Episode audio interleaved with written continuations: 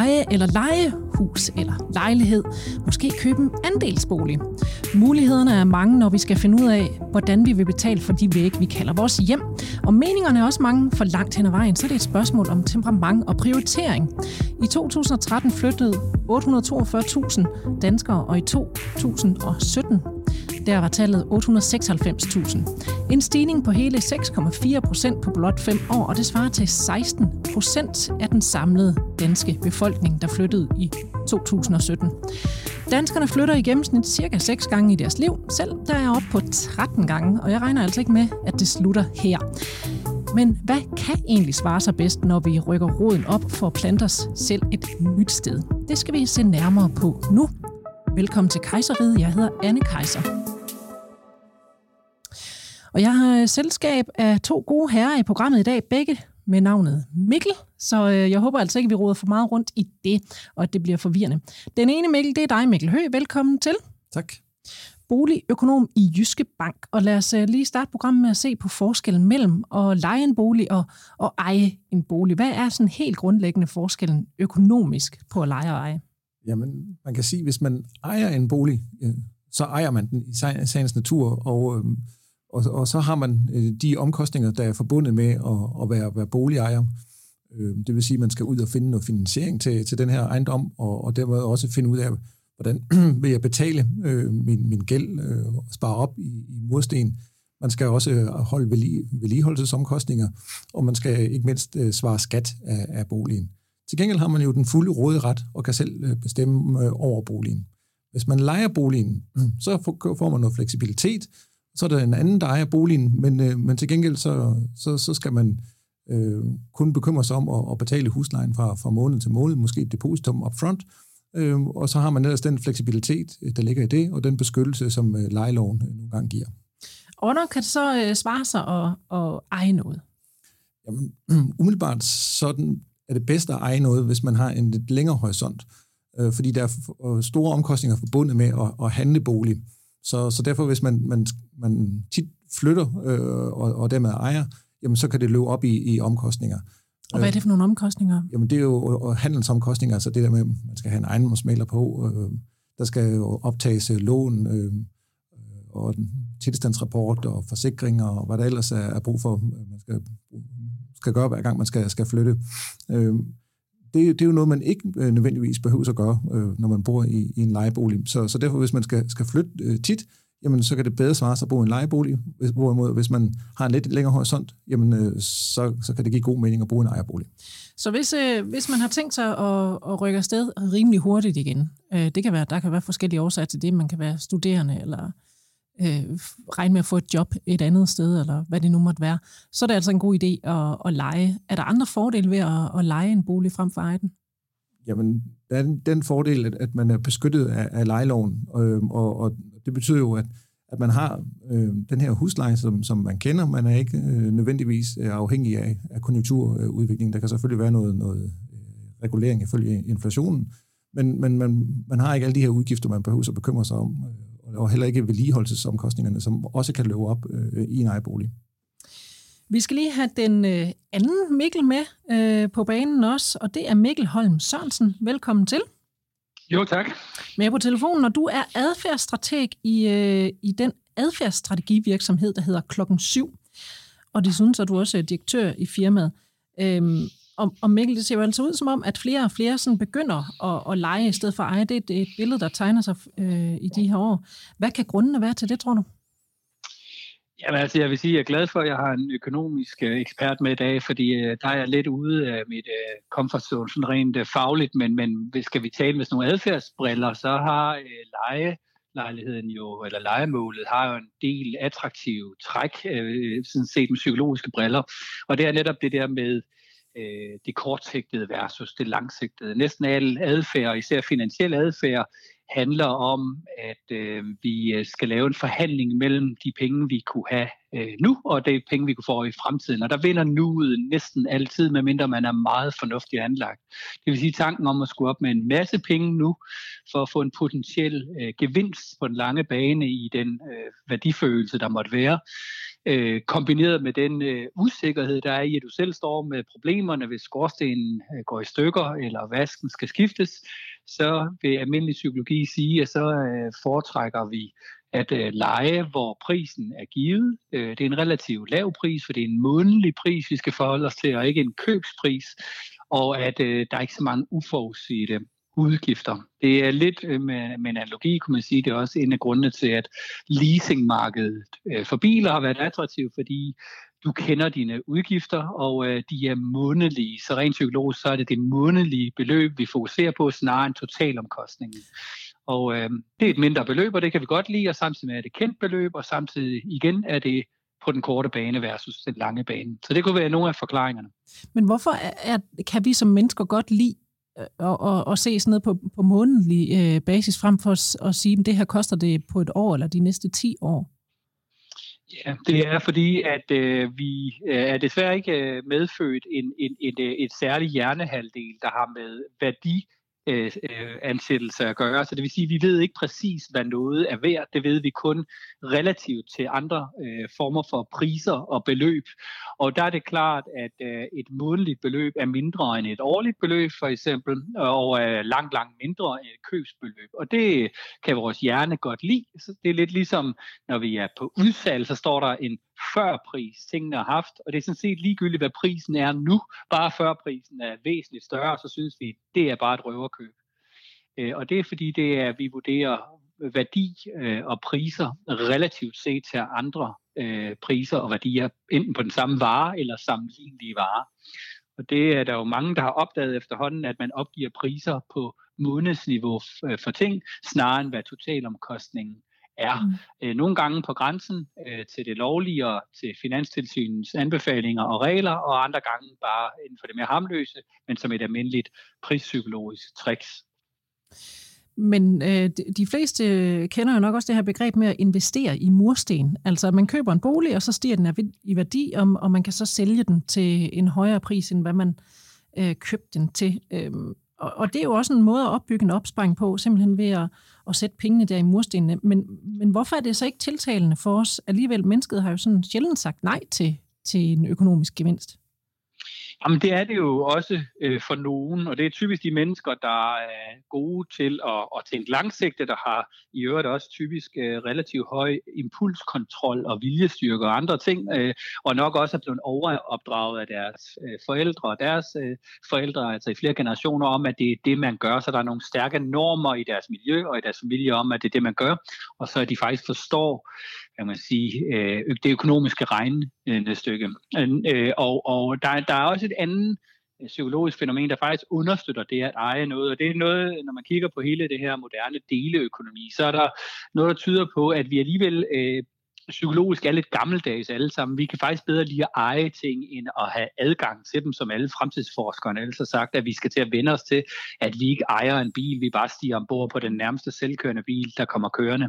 Så der er faktisk noget i os, der trækker i det der med at besidde ting, øh, fordi det har vi lært øh, øh for øh, faktisk for millioner år siden, rent evolutionært, at det er rart. Så, så der er der noget, der trækker i det, og der er den kulturelle opdragelse i, at vi har lært at spare op i mursten, og øh, fast ejendom er en god investering, og der er en masse af de ting, der, der flyver rundt. Men, men, men, men det er så oppe imod øh, de, de andre ting, jeg snakker om før, at, at mindre beløb på den korte bane er meget mere attraktivt for de fleste end større beløb på den lange bane. Man kalder det smaller sooner øh, versus øh, larger later. Og det er der mange, der, der finder attraktivt. Det er der lavet masser af eksperimenter med at vi foretrækker et mindre beløb nu, frem for et lidt større beløb øh, om en uge, eller et meget større beløb om tre måneder. Men det, man kan jo sige på en måde, der taler det vel, øh, vores natur taler i, imod sig selv her, fordi vi vil jo egentlig gerne have øh, udsigten til de små beløb, men samtidig vil vi også gerne eje noget.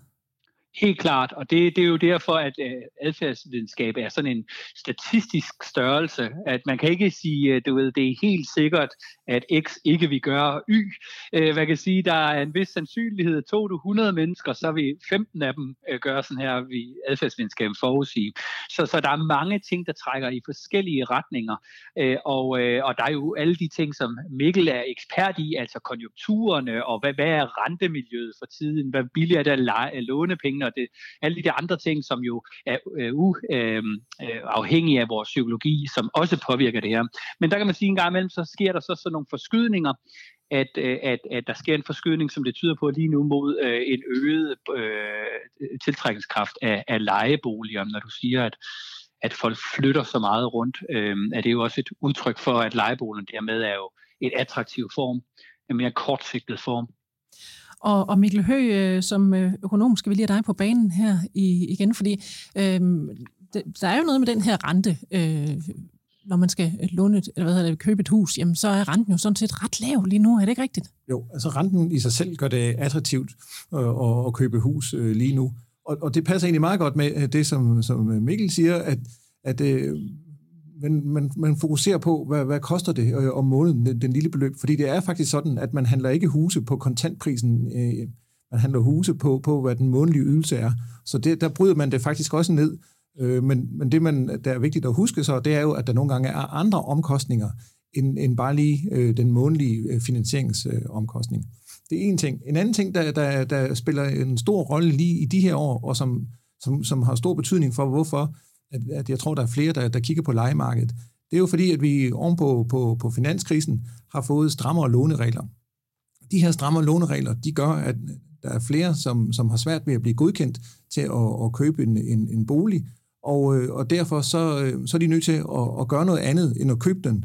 Og det kunne, kunne for eksempel være at øh, så kigge på en, en lejebolig eller øh, en andelsbolig. Og så er der jo hele det her billede her, at, at, øh, at det ser ud som om, at vi går imod øh, at lege mere end eje. Men, men hvorfor er det, at vi ikke øh, tager chancen og så siger, okay, renten er helt vildt lav, nu køber jeg den bolig? Jamen, det, det er der også nogen, der, der gør. Normalt er der jo den sammenhæng, at når, når renten er lav, så er der gang i, i boligmarkedet. Når, når renten er, er høj, så er, det, så er det omvendt. Den, den sammenhæng er blevet afkoblet lidt her øh, i de senere år, og det skyldes blandt andet den regulering, vi har fået om på, på finanskrisen. En ting. En anden ting er også, at der er nogle steder i landet, hvor, hvor, hvor huspriser og ejendomspriserne er kommet så højt op, at øh, almindelige mennesker, altså politibetjenten og sygeplejersken, kan ikke nødvendigvis lige købe en lejlighed inde på, på Rådhuspladsen i, øh, i Indre København. Øh, og, og derfor så må de finde på noget andet, hvis de gerne vil bo der. Så det kan også godt være mere af, af nød end af lyst, at man faktisk øh, leger? Ja, lige nu øh, tror jeg faktisk, at en, en del af bevægelsen mod at, at lege, det, det, det skyldes, at der er nogen, der, der oplever, at de ikke kan komme rundt om de her øh, god skikbekendtgørelse og vækstvejledning, som, som de her lidt øh, tunge regler fra Finanstilsynet uh, hedder.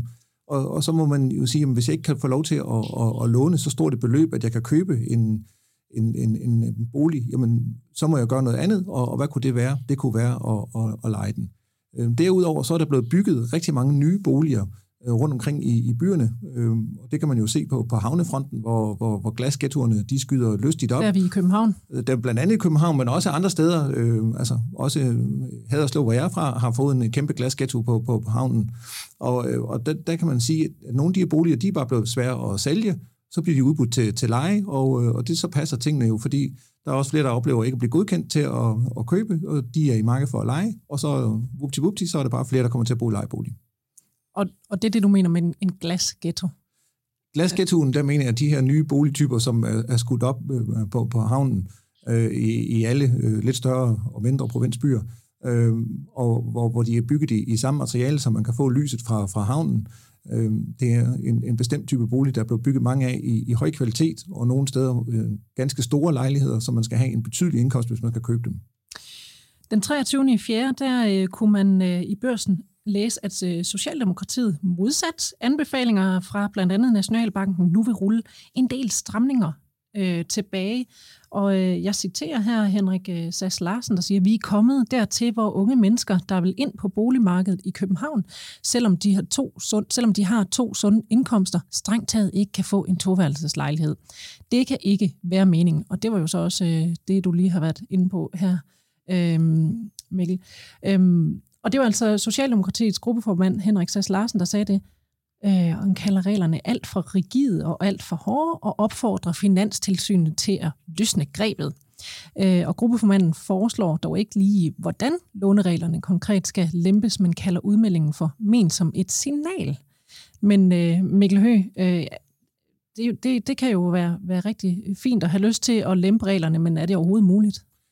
Nej, jeg, jeg tror, man skal starte et sted og så sige, det, det rent politisk er det, øh, tror jeg, det ser meget svært ud, fordi dem, dem der skal hjælpe øh, Henrik Sass Larsen øh, til, til magten, øh, de går ind for at, at stramme øh, reglerne, så politisk ser det svært ud. Det, øh, det er den ene ting. Den anden ting er, øh, vil det virke? Det, det, er, jo, det er jo spørgsmålet. Fordi øh, grunden til, at en, øh, et ung par har svært ved at, at købe i, i byerne, jamen det er fordi, at lejlighedspriserne er kommet så højt op, at de skal øh, øh, hvad hedder det, låne mere end fire gange deres øh, indkomst for at, at kunne købe en, en lejlighed. Det vil sige, at de bliver rimelig hårdt øh, gældsat. De, det kan man så sige, at øh, folk har måske et godt job, de har måske i starten af deres karriere, så det er udsigt til, at de skal tjene flere penge fremadrettet, så kunne man måske godt give, give los for det. Men, men i gode gamle dage, der sagde man, at man ikke skulle belåne sin indkomst mere end, end, end tre gange. Øh, da man så så, at de her kreditstandarder skred lidt, jamen så strammede man op på, på, på reglerne.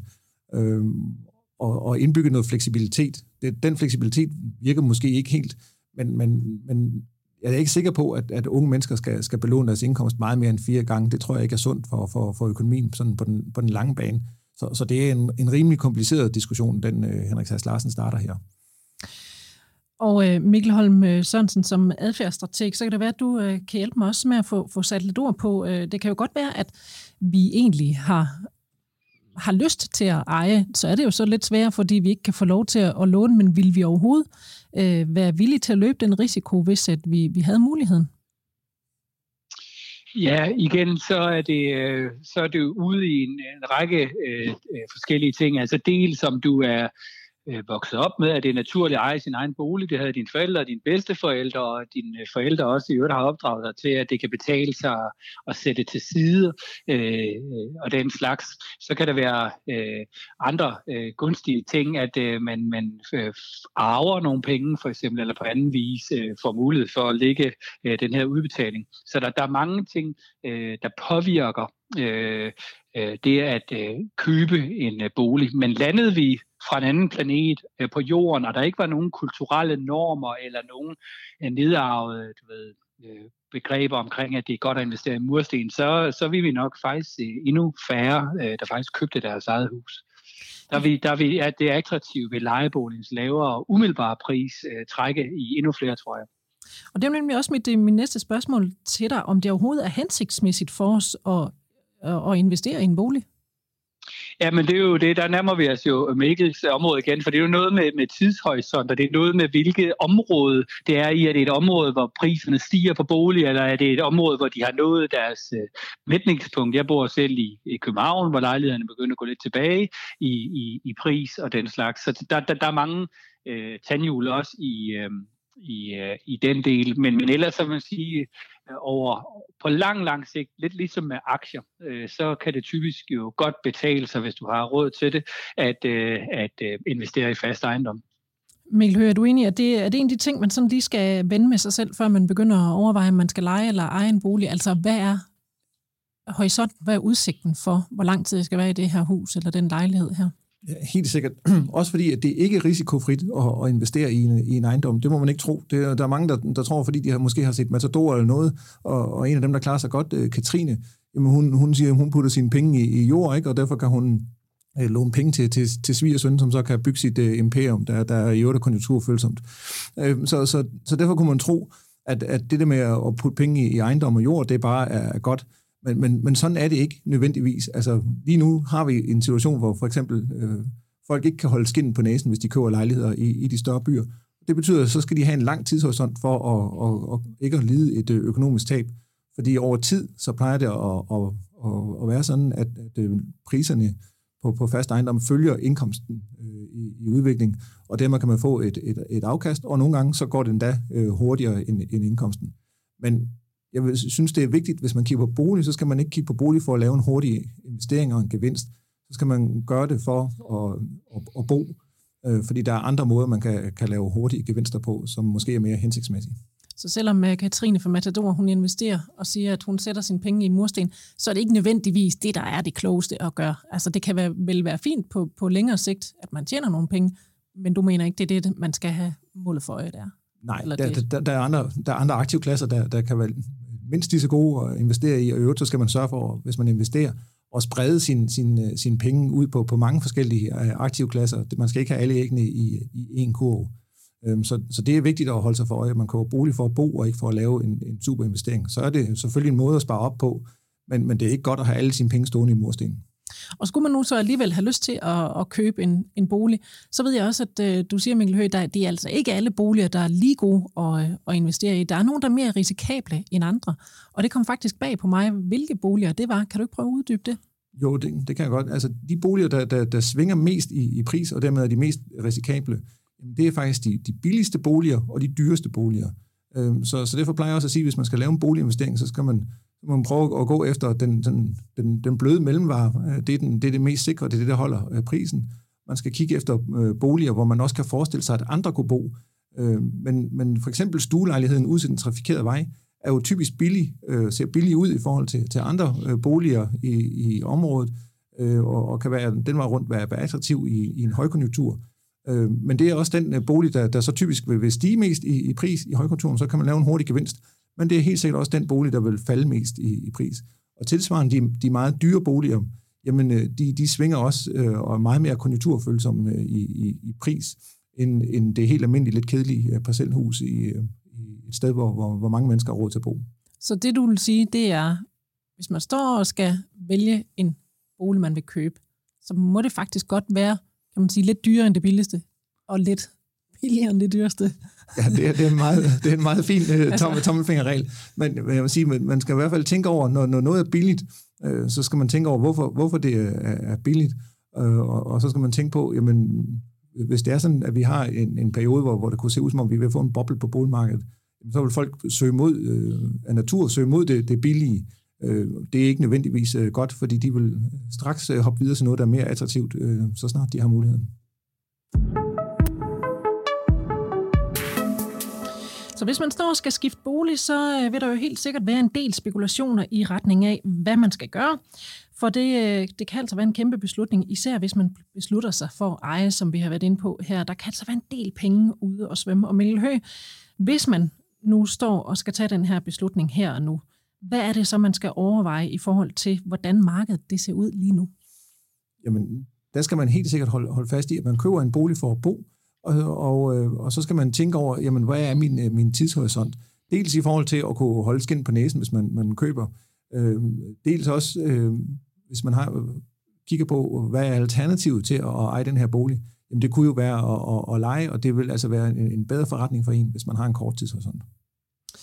Og Mikkel Holm øh, Sørensen, adfærdsstrateg, hvilke overvejelser bør man så gøre sig i forhold til sådan ens egen økonomiske situation og temperament, hvis man kan sige det på den måde? Ja, man skal være bevidst om, at øh, langsigtede og kortsigtede beslutninger, de har ikke øh, samme motorkraft i, i vores hjerne. Kortsigtede beslutninger, de kommer fra naturens side med en meget større øh, overbevisningskraft og intuitiv kvalitet. Og det vil sige, at hvis man vil balancere den spilleplade lidt, så skal man altså øh, købe det, det, den øh, mistanke, at de ikke skal vejes på samme vægt, men at langsigtede beslutninger, de kræver lidt mere støtte øh, for at synes lige så gode. Og det er øh, støtte udefra, for eksempel hvad gør andre øh, fornuftige mennesker, mennesker, eller hvad siger statistikken, hvad siger tallene, og hvad siger den slags. For spørger man bare sin intuition, eller mavefornemmelse, eller spontane lyst, så er det altid kortsigtede beslutninger, øh, der vil vinde for de fleste. Så den mistanke skal man have, når man sidder mellem valget mellem øh, den ene form for investering øh, versus øh, den anden. Så man skal faktisk, kan man sige, research lidt øh, på, på samfundsstruktur, øh, sammensætning og økonomi og ens egen øh, situation også, før, det, før man overhovedet beslutter, om man vil det ene eller det andet? Ja, eller man må i hvert fald godt lytte til økonomiske eksperter. De behøver jo ikke at repræsentere en bank, der gerne vil låne nogle penge ud. Der er også andre uafhængige, hvis man er mistroisk anlagt, andre økonomisk uaf- eller økonom, uafhængige økonomiske eksperter, man kunne lytte til. Og så kunne man kigge på øh, generel statistik over tid, hvilke boliger har, som, som Mikkel sagde før, altså til den gode brede midterfelt af boliger, hvordan er det gået dem over lang tid, hvis man har en horisont, man tænker, her skal jeg bruge min familie i hvert fald de næste 20 år, så kig på, hvad statistikken på det område. Det er det, man kalder øh, inden for mit felt at, at tage et øh, udefra ind øh, blik på beslutningen. For, for indefra ud, altså ens spontane lyster, de går oftest mod nydelse her og nu, og det kortsigtede og, og det lette, snarere end at have tålmodighed og vente med at få gevinsten på den længere bane. Men igen, man skal gøre sig meget klart, at en bolig det er en stor del af rammen for ens liv, så jeg er helt enig med Mikkel i, man skal ikke købe boliger og bo i kun for spekulation. Det er en uh, dårlig idé. Men lige når det kommer til, til bolig, øh, øh, kan man sige, enten handel eller leje, så er det altså virkelig fornuften, mener du, man skal, man skal trække på der? Ja, men der kan jo også være, at man øh, har set en bolig, som er beliggenhedsårsager, eller at det ligger tæt på noget familie, eller det ligger tæt på, på, på noget, noget natur, man sætter meget pris på, eller, eller en sportsklub, man gerne vil gå i, eller andre ting. Så boligen i sig selv har nogle øh, kvaliteter, som ikke har noget med markedet at gøre. Øh, som, som, øh, hvis det så er en lejebolig, så kunne det jo tale for at tage en lejebolig frem for at købe den, hvis, hvis den hvad kan man sige, livsmæssige værdi er så stor, at det taler øh, med i den samlede øh, beslutning. Man skal bare være opmærksom på, at ens evne til at overbevise sig selv om, at det lette valg også har en masse fordele, øh, den, er, den, er, den er lidt ude af kontrol nogle gange, hvis man ikke holder det op mod, mod mere objektive kriterier for, hvad fordelen er.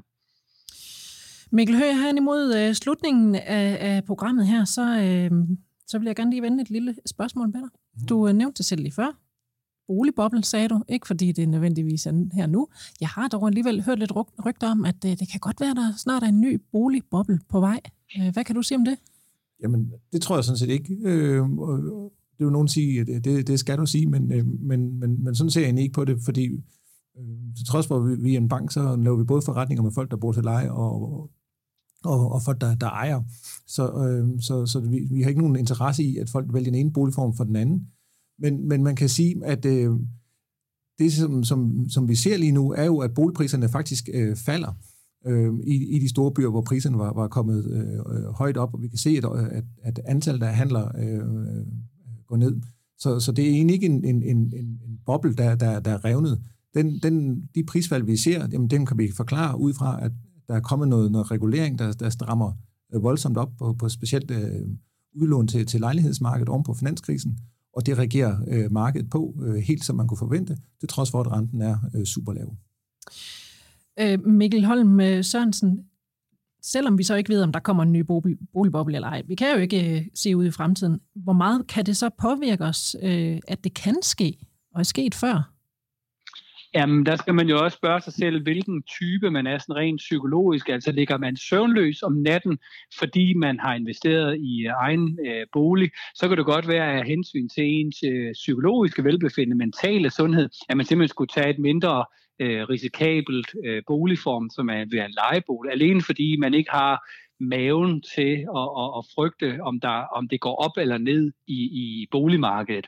Øh, så det, det kan da godt være en gang, at man skal øh, konsultere sin, sin egen natur på, på det niveau, men udover det, så, så øh, hvis man har en lang øh, horisont for sin bolig, så i mange områder, så vil det være fint nok at, øh, at købe boligen, og så skal man ligesom med aktier, skal man lade være at sidde og følge med i, i priserne, der går op og ned hele tiden, for så ser det meget dramatisk ud, hvor det ser lidt mere roligt ud, hvis man kun kigger på det i årtier øh, som horisont. Og det kunne det også godt være her, man skulle lade være at følge for meget med i, hvad pressen skriver om, at nu går det op, og nu går det ned og sådan noget.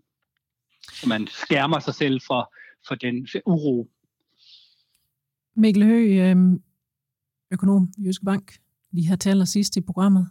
Øh, får du lov til at, at få ordet. Hvis du stod lige her nu, det gør du så ikke, men hvis du stod og skulle købe en ny bolig, hvad vil du så øh, være ekstra opmærksom på øh, øh, i forhold til, hvordan øh, boligøkonomien ser ud på samfundsplan lige nu? Det, jeg vil være opmærksom på, er, at boligmarkedet er, er lidt under pres lige her på den korte bane. Så, så derfor vil jeg sige, at jeg skal i hvert fald være opmærksom på at købe noget, som, som jeg kunne tænke mig at, at bo i, i, i lang tid, at have en lang horisont. Øh, det har jeg sagt nogle gange, så det er nærmest lidt kedeligt, men så vil jeg også kigge lidt efter øh, og sige, hvordan kunne andre forestille sig at, at bo her? Så i stedet for at, at vælge øh, boligen, hvor der er bygget op om et kæmpe køkkenanrum, og dermed ikke har nogen øh, værelser, øh, det vil jeg nok vælge fra. Jeg vil prøve at, at vælge øh, standardvaren, øh, sådan at, øh, at jeg kunne se andre øh, familier, børnefamilier, øh, rykke ind i, i, i boligen. Øh, så vil jeg nemlig på den måde have sikret mig både livrem og seler. Vil du uh, ture købe en bolig, som det ser ud i dag? Ja, det vil jeg godt ture. Øh, Hvad vil du helst eje eller lege nu? det kommer lidt an på, hvor man skulle, skulle bo hen, men, men personligt er jeg meget godt tilfreds med at, at eje min øh, bolig i det lille parcelhuskvarter. Det bliver det sidste ord i dag i øh, Kejseriet, og husk, at øh, Kejseriet udkommer hver fredag, så jeg håber, du har lyst til at lytte med igen om en, en uges tid. Hvis du har kommentar til programmet, så kan du gøre det på mailadressen anne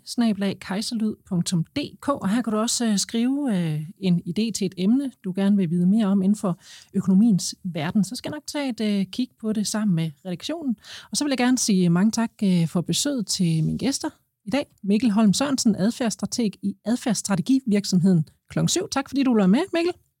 Jamen, velbekomme. Og også til den anden Mikkel, nemlig Mikkel Hø, som er boligøkonom ved Jyske Bank.